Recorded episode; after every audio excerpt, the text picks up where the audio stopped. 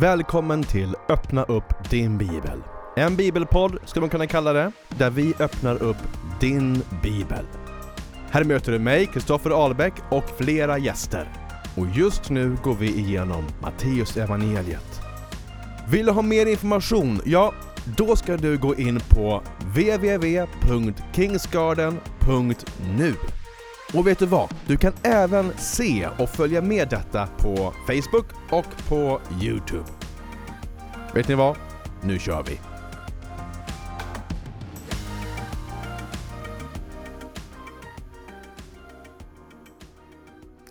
Hej och jättevarmt välkommen hit till Öppna upp din bibel.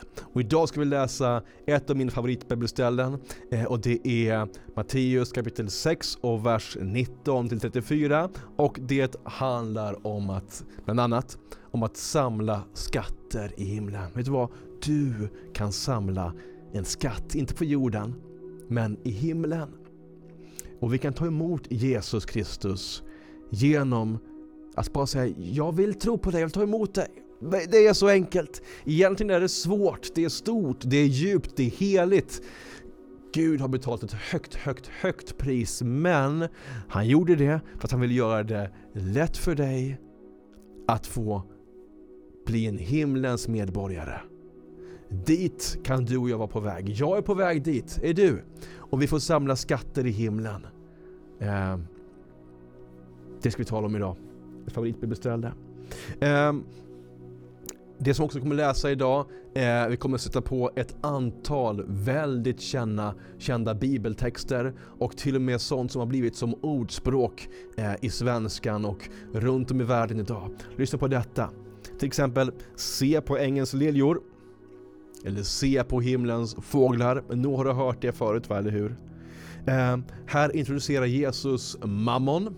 Det fanns även i Gamla testamentet, men Jesus när han säger det så liksom det slår rot och mammon har ju alla hört om, eller hur? Det är här vi får introduceras till det. Eh, eller det här.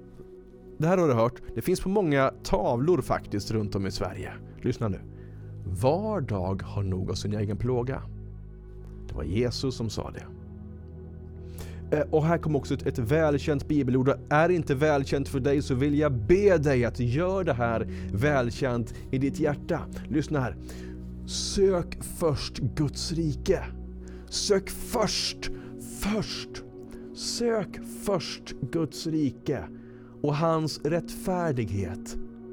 Så skall du få allt det andra också. Här är både en prioritering men också ett extremt stort löfte. När Jesus säger det här så menar han det. Att om du söker först Guds rike så skall du få allt det andra också.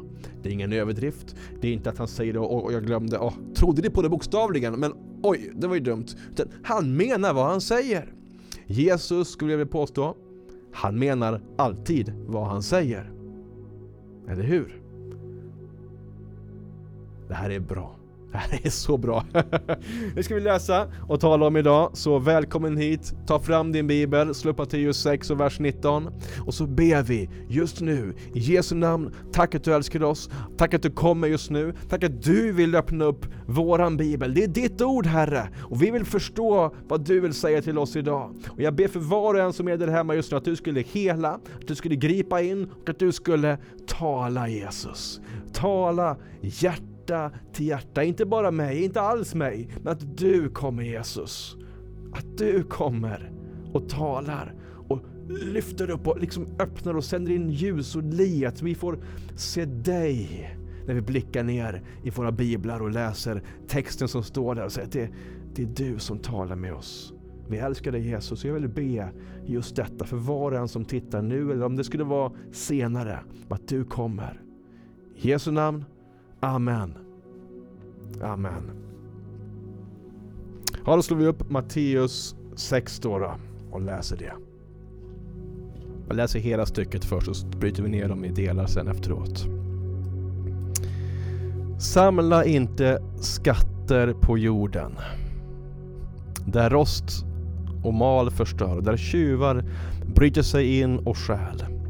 Samla er skatter i himlen, där varken rost eller mal förstör och där inga tjuvar bryter sig in och stjäl. Ty där din skatt är, där kommer också ditt hjärta att vara. Ögat är kroppens ljus. Om ditt öga är friskt så får hela din kropp ljus, men är ditt öga sjukt ligger hela din kropp i mörker. Om nu ljuset i dig är mörker, hur djupt är då inte mörkret? Ingen kan tjäna två herrar. Antingen kommer han då hata den ene och älska den andra, eller kommer han att hålla sig till den ene och se ner på den andra. Ni kan inte tjäna både Gud och mammon. Gör er inte bekymmer för ert liv. Vad ni ska äta eller dricka. Inte heller för er kropp, vad ni ska klä er med. Är inte livet mer än maten och kroppen mer än kläderna? Se på himlens fåglar, de sår inte, de skördar inte, de samlar inte i lador. Och ändå föder er himmelske fader dem. Är inte ni mycket mer värda än dem? Vem av er kan lägga sitt, med sitt bekymmer lägga en enda aln till sin livslängd? Och varför gör ni er bekymmer för kläder? Se på ängens liljor hur de växer. De arbetar inte och spinner inte. Men jag säger er att inte ens Salomo i all sin prakt var klädd som en av dem. Om nu Gud ger sådana kläder åt gräset, som idag står på ängen och imorgon kastas i ugnen. Hur mycket mer skall han då inte klä er? Så lite tro ni har. Gör er därför inte bekymmer. Och fråga inte vad ska vi äta? Eller vad ska vi dricka? Eller vad ska vi klä oss med? Efter allt detta söker hedningarna. Men er himmelske fader vet att ni behöver allt detta. Nej, sök först Guds rike och hans rättfärdighet. Så skall ni få allt det andra också. Gör er alltså inte bekymmer för morgondagen. Den ska själv bära sitt bekymmer. Var dag har nog av sin egen plåga.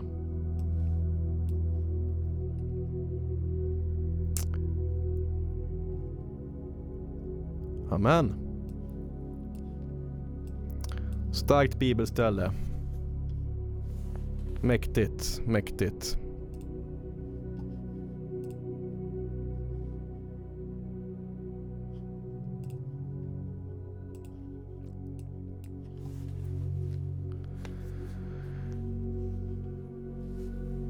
Så det är lite svaj på linjen idag.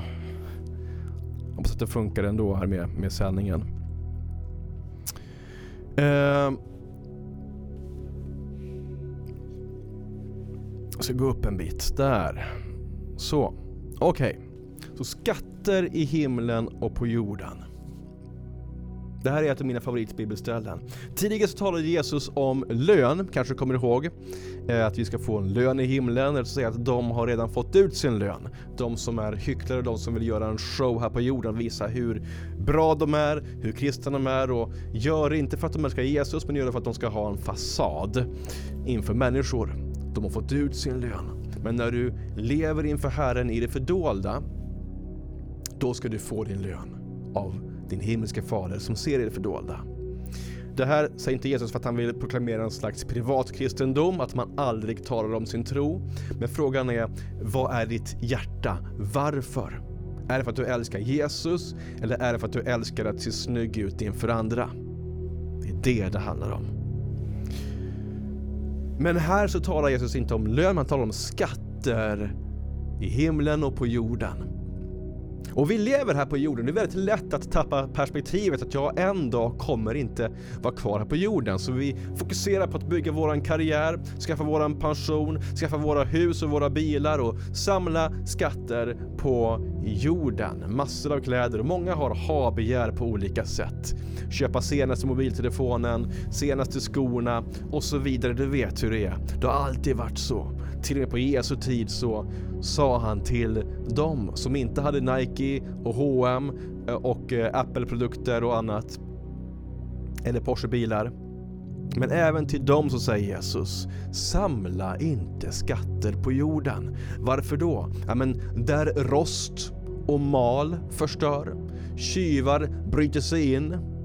Och det som inte han säger här, men det som liksom ligger också i texten för att de börjar tala om himlen och vi är inte i himlen nu, vi kommer till himlen när vi dör och vi tar emot Jesus. Eh, alltså en dag kommer du vara död. Det finns ju ett, ett talespråk och det är ju väldigt sant att vi föds, vadå? Vi föds nakna och vi dör, vadå? Vi dör nakna. Så vi kan inte ta med oss någonting. Inte någonting. Så samla din skatt i himlen. Här så har vi några år kvar. Men i himlen ska vi leva en evighet. Samla din skatt där du kommer leva i evighet. En del studerar och går på universitet och det är väldigt bra. Varför gör man det? Jo, för man vet ju att om jag pluggar i, i tre eller fem år på universitet, då kommer jag få ett bra jobb efteråt. Man pluggar för att man vet att det kommer en dag efteråt. Man gör en investering för sitt liv, eller hur? Varför sparar man pension? Är det inte bättre att behålla alla pengar nu på en gång? Jo, man vet att de flesta av oss, som inte man inte råkar ut för en olycka eh, eller en tidig sjukdom, en ond sjukdom, så kommer alla bli pensionärer och då behöver man pengar den dag man inte jobbar. Det kommer en dag sen, eller hur? Så jag sparar pengar nu för att ha pengar sen på den dag då inte jag jobbar. Det kommer en dag sen där du inte är på jorden.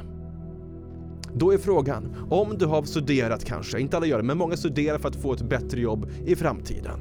Många samlar, sparar i pension, om inte till och med alla i Sverige sparar i pension för att få ett bra liv, eller någorlunda bra liv efter pensionen.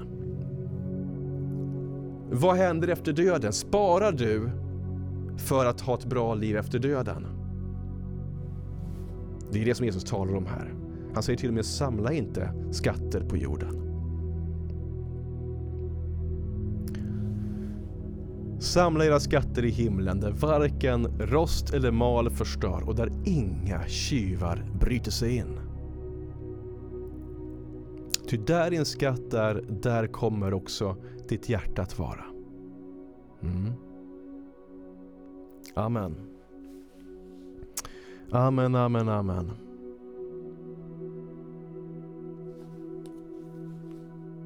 Starkt det där alltså hörni. Väldigt starkt. Vad är då en skatt i himlen? Jag skulle säga att Bibeln säger inte så mycket om Alltså, Bibeln listar inte upp några skatter i himlen. Men vi får nästan nöja oss med att han säger att vi har en skatt i himlen. Dels är det att vi har relation med Fadern. Att vi känner honom. Den dag du kliver in i himlen, då vill inte du komma in till en främling. Då vill du ju känna honom, eller hur? Men det verkar också som att vi kommer ha större eller mindre skatter i himlen och det är för mig ett litet mysterium. Men en del av Jesus undervisning talar på det sättet. Är man mer älskad av Jesus än en annan? Jag tror absolut inte det.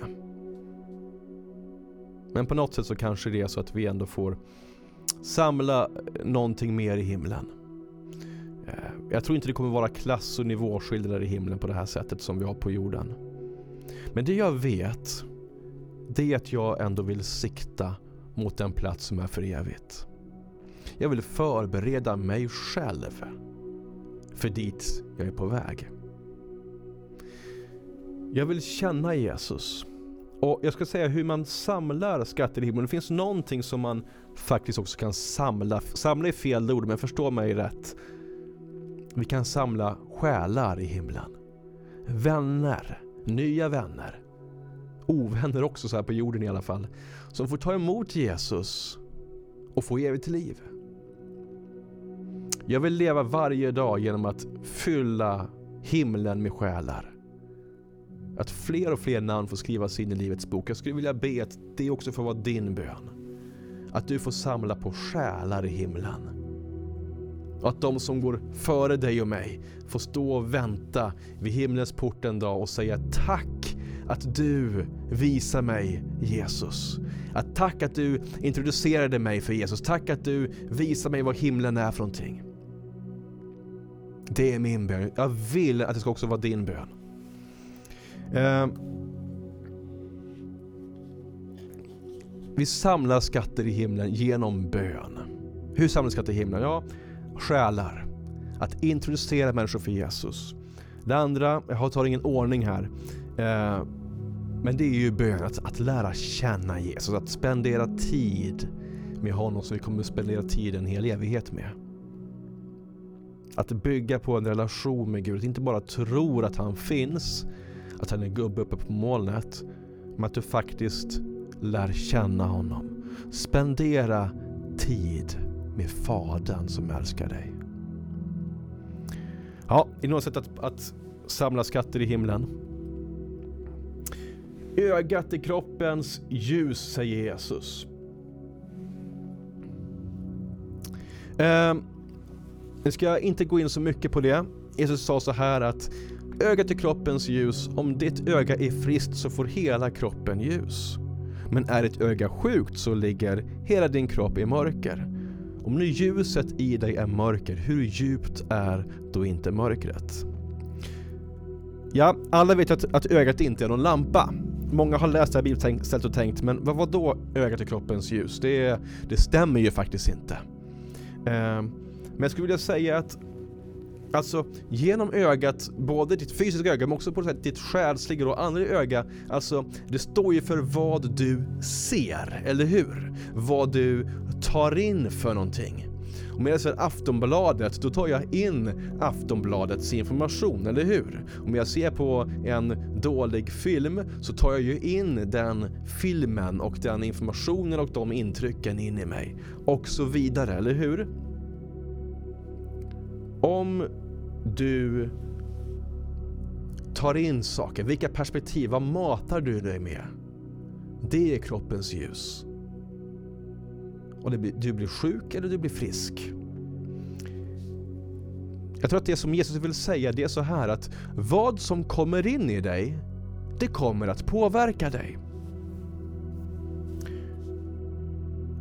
Jag tror att han vill tala om hur du uppfattar saker och ting. Hur uppfattar du din omgivning?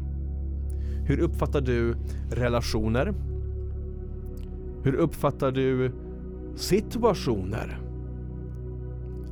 Hur fattar du beslut? Vad har du för underlag när du fattar beslut? Kanske är det så här att du blir lätt arg och rent av förbannad i onödan. Kanske blir du ofta förbannad och sen kommer du på att men oj, det där var ju ingenting, det var ju ett missförstånd. Man ska för den skulle inte bli förbannad alls, tror jag. Blir du lätt rädd i onödan? Skrämmer upp dig, får panik för någonting som inte alls var så farligt? Eller fattar du ofta dåliga beslut? Det blir ofta fel. Vad du har för perspektiv påverkar dig. Vad som kommer in i dig påverkar dig och hur du agerar. Det som står här när Jesus säger om ditt öga är sjukt. Ordet för sjukt på svenska här, på grekiska så är det ponero, eller poneros, vilket faktiskt betyder ont. Rent av ont. Jag tror att vi ska se på våra liv med Guds ljus. Med Guds perspektiv. Med Guds ögon.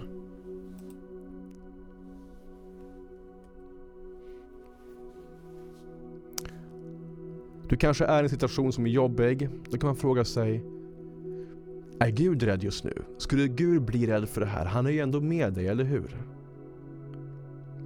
Eller har Gud tappat kontrollen? Kan man också fråga sig. Nej, förmodligen inte, va? eller hur? Du ska inte vara mer rädd än vad Gud är rädd. Du ska inte vara mer orolig än vad Gud är orolig. Se på honom, lyssna på honom, be om Guds perspektiv för ditt liv, vad du än står i. Det skulle jag vilja påstå är vad Jesus talar om här. Om ditt öga är friskt så får hela kroppen ljus. Dina perspektiv och vad du tar in, dina intryck och hur du uppfattar saker och ting. Man kan se på samma saker, eller hur? Men en person blir jätterädd och hispar upp sig och en annan person blir helt kolugn. Det beror på perspektiven. Om ditt öga är sjukt, då kommer man uppfatta allting fel. Och agera fel, känna fel. Beroende på det. Skaffa dig ett friskt hjärta, det vill säga se på allting runt omkring dig och ditt eget liv med Guds ögon, med Guds ljus och ingenting annat. Amen. Gud eller mammon? Fantastiskt bibelställe. Ingen kan tjäna två herrar. Eh, mammon är arameiska och betyder egendom och förmögenhet. Här så introducerar också Jesus mammon som en gud faktiskt. Man kan inte tjäna två gudar. Eller det jämställs i alla fall här i Matteus evangeliet. Så mammon verkar vara en makt också, som kan ha makt över ditt liv. Och framförallt så är det så här att du kan göra mammon till en gud, till en avgud. Alltså där du vänder dig till pengar i allting. Pengar är nästa lösning. Pengar är svaret på din lycka. Eller på din olycka. Pengar är det som du måste ha. Ja, då har mammon blivit din gud. Då har mammon tagit Guds plats i ditt liv. Alltså den plats där du ska söka trygghet, vishet, ledning, skydd, styrka. Den som du vänder dig till i, i nöd och sorg och i glädje. Vem är det? Och Jesus säger att du kan inte både tjäna Gud och tjäna mammon eller pengar eller egendom. Alltså tjäna det, drivas av det. Han säger inte att du inte kan äga någonting, men du kan inte vara driven av det. Man kan tjäna mammon om man är rik och ofta tänker man på så här, ja men alla som är rika tjänar mammon. Men jag vill nog säga så här att man kan faktiskt tjäna mammon även om man är fattig och inte äger ett enda öre. Hur då? Jo, för att om rik eller fattig eller medelklass eller vad som helst. Om du vaknar på morgonen och tänker att idag måste jag tjäna pengar, är det bara den här? Det kommer vara räddningen för mitt liv.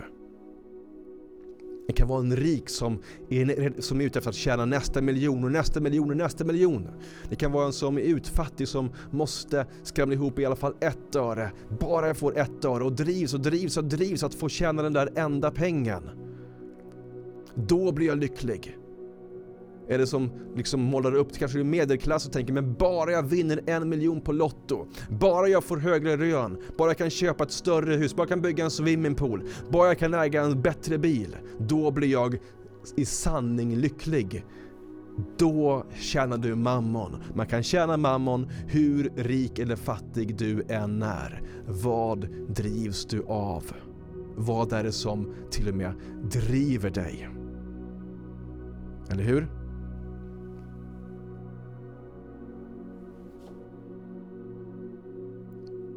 Sätt Gud på rätt plats i ditt liv.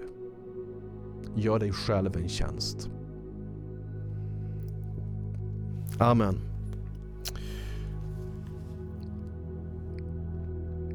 Sen så säger Jesus så här, vad lite tro ni har. Det är när han talar om, om just tilliten här. Alltså, varför gör ni er bekymmer för kläder och alla de här sakerna?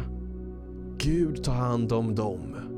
Gud tar hand om himlens fåglor, fåglar. Gud tar hand om ängens blommor och liljor. Då tar ju Gud hand om dig som han älskar. Och då säger han så lite tro ni har. Jag tycker det är rätt kul för att så här får man inte säga. Alltså ingen pastor får ju säga så lite tro ni har. Men han säger så lite tro ni har. Ja. Nej, det var ju inte så pastoralt. Men det gjorde han.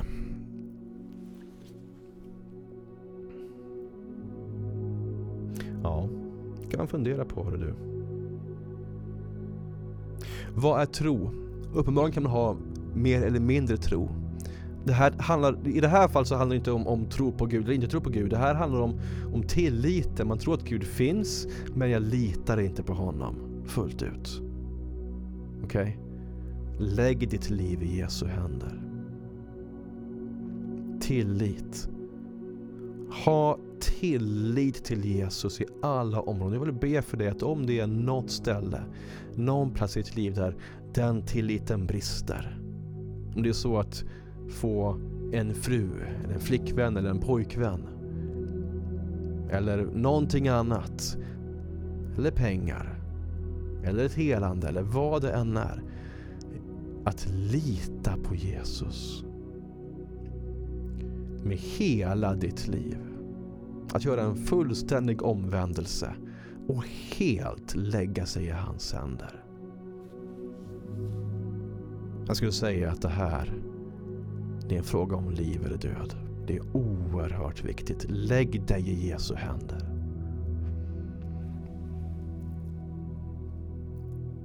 Jag skulle vilja introducera ett begrepp för dig. Ryggmärgstro. Du vet, vi har saker, saker, saker som sitter i våran ryggmärg, eller hur? Om du tänder en lampa, du går till, hur gör du då? Jo, du går till lampknappen. Alla vet om det, eller hur? Och så går man till lampknappen, trycker och så blir det ljust. Mm. Inte så svårt. Eh, när du gör det så står inte du och funderar bara Åh, tänk om lampan inte tänds idag. Jag vet inte, men jag trycker och testar och chansar. Kanske, kanske inte. Det är ingen som tänker så, eller hur? Man tänder och så blir det tänt. Och om det inte tänds, då vet du automatiskt att det är eh, något av tre fel. Eh, lampan är trasig, ja då byter man ut lampan, det kan hända. Eh, du kanske inte har någon el, en propp har gått, det, det, då, el, det har ingen el i huset. Ja men då fixar man tillbaks den, betalar elräkningen eller fixar proppen eller vad det kan vara liksom. Men du vet att det kommer ingen el. För att du tror ju inte att det kommer el men lampan inte lyser om lampan är hel. Utan om det kommer el och lampan är hel, ja det kommer ju lysa. Det är ingen som argumenterar kring det, eller hur? Eller så har det liksom blivit ett avbrott på sladden såklart, det kan ju också ha hänt. Men det är väl typ någonting av de tre som skulle vara ifall det inte lyser när du tänder lampan. Eh, och, just det här med att det är ingen som reflekterar över detta, det är ingen som tänker, som bekymrar sig över det. Det är ingen som eh, går till lampknappen och eh, har lite smått ångest, lite brist på tro. Utan det här det bara är så. Och det sitter i din ryggmärg. Precis som när du går så tänk inte du bara ah, men hur var det nu? Jag hade glömt bort. Ska jag... Nu gick jag med vänster fot precis sist. Ska jag gå med vänster fot igen eller är det höger fot till nästa? Eller hur var det nu igen? Ska jag gå med armen sen? Eller... Det är ingen som... Eller hur? Det är ingen som tänker så. I din ryggmärg, liksom i ditt innersta så vet du hur man går. Höger, vänster, höger, vänster, höger, vänster, fot fram. Inte så konstigt. Ryggmärgstro. Ett barn vet du, du vet de här små som sitter vid bordet, matbordet, så älskar små barn, spädbarn och lite äldre att kasta ner saker från stolen på bordet. Och så skrattar de och så plockar man upp det igen och sen så tar det fem sekunder och sen woof så har den där skallran eller tallriken eller vad det, vad det nu var åkt ner på golvet igen. Och det är fruktansvärt kul tycker en liten. Men efter ett tag så är inte det så jättelattjo längre. Man har vant sig. Och barn har lärt sig det här med tyngdkraften, tyngdlagen. Att om man släpper någonting så händer vad då? Ja, det faller. Det faller alltid.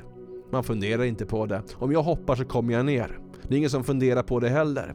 Eh, jag kanske inte skulle våga hoppa fallskärm för jag är kanske inte helt trygg i att fallskärmen skulle hålla och att jag kanske inte vet hur man gör. Det kan man förstå. Men jag vågar hoppa eh, från golvet och upp. Eller hur? Det är ju ingen av, av oss, dig eller mig, som inte tror att man kommer landa igen. Men om jag hoppar, tänk om jag hamnar på Mars då?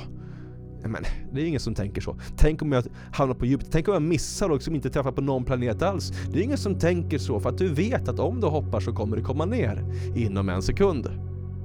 Eller hur? Ryggmärgstro. Vad händer då om vi tar det här med din ryggmärg? Det sitter så djupt inom dig att vi lyfter över det på tro på Jesus. Att jag naturligt, instinktivt vet att han älskar mig. Vet att han svarar mig när jag ber. Vet att han förser mig med allt jag behöver.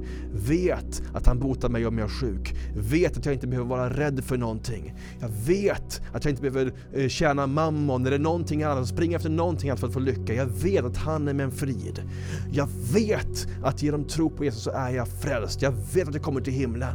Jag vet att om jag sträcker ut min hand och lägger den på någon som är sjuk och ber i Jesu namn så vet jag instinktivt, ryggmärgstro att den personen blir helad. Så lite tro ni har, säger Jesus. Och han vill uppmuntra oss till att ha mer tro. Någonting som jag skulle vilja kalla för ryggmärgstro. Instinktivt, där du vet, du bara vet, du behöver inte fundera på det, du vet att det bara är så.